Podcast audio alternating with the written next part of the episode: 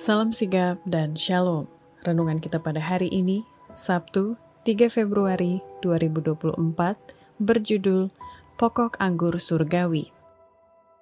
Ayat intinya terdapat di dalam Yohanes 15 ayat 2. Setiap ranting padaku yang tidak berbuah, dipotongnya, dan setiap ranting yang berbuah, dibersihkannya, supaya ia lebih banyak berbuah.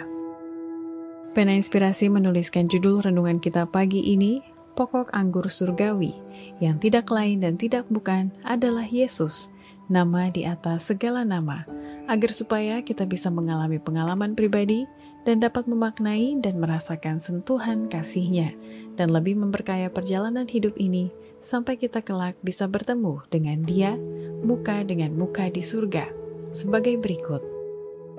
Pertama, oleh karena Yesus adalah pokok anggur surgawi, maka kesuksesan satu pekerjaan berpulang pada kerendahan hati orang itu ketika mengambil bagian dalam pekerjaannya.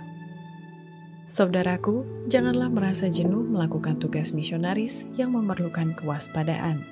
Inilah satu pekerjaan yang kamu semua dapat lakukan dengan sukses, asalkan kamu mau berhubungan dengan Allah. Sebelum menulis surat pertanyaan, angkatlah hatimu kepada Allah senantiasa di dalam doa, agar engkau berhasil mengumpulkan carang-carang liar yang akan dicangkokkan pada pokok anggur dan berbuah demi kemuliaan Allah. Semua orang yang dengan rendah hati mengambil bagian dalam pekerjaan ini akan tetap mendidik diri mereka sendiri sebagai pekerja di kebun anggur Tuhan. Kedua, oleh karena Yesus adalah pokok anggur surgawi, maka kesuksesan satu pekerjaan berpulang pada hati orang itu. Apakah hatinya itu ada dicangkokkan kepada pokok anggur yang asli? Janganlah merasa jemu dengan pekerjaan misionaris.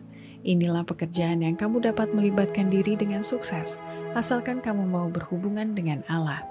Sebelum menulis surat pertanyaan, angkatlah selalu hatimu kepada Allah dalam doa, agar engkau menjadi sukses dalam mengumpulkan carang-carang liar yang akan dicangkokkan kepada pokok anggur yang asli, dan mengeluarkan buah demi kemuliaan Allah.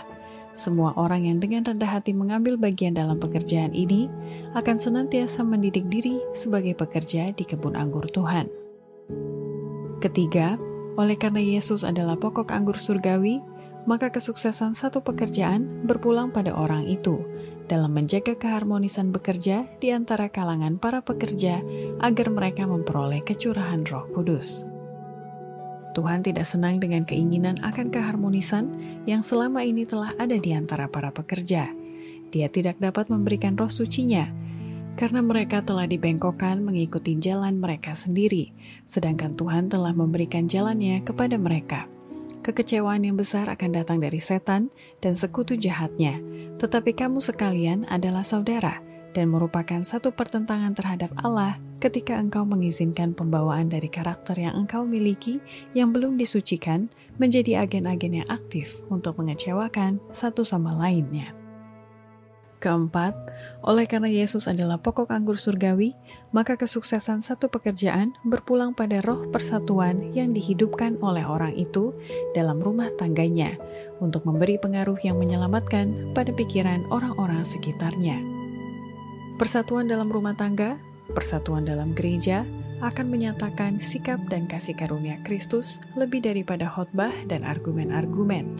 Apakah kebenaran, kebenaran yang lebih maju yang kita terima, menghasilkan dalam hati kita buah-buah kesabaran, iman, pengharapan, kebaikan hati, sehingga meninggalkan pengaruhnya yang menyelamatkan pada pikiran orang-orang, menyatakan bahwa kita adalah cabang-cabang dari pokok anggur yang sejati, karena kita menghasilkan buah-buah yang limpah, Demikianlah renungan kita pada hari ini. Kiranya Tuhan memberkati kita semua.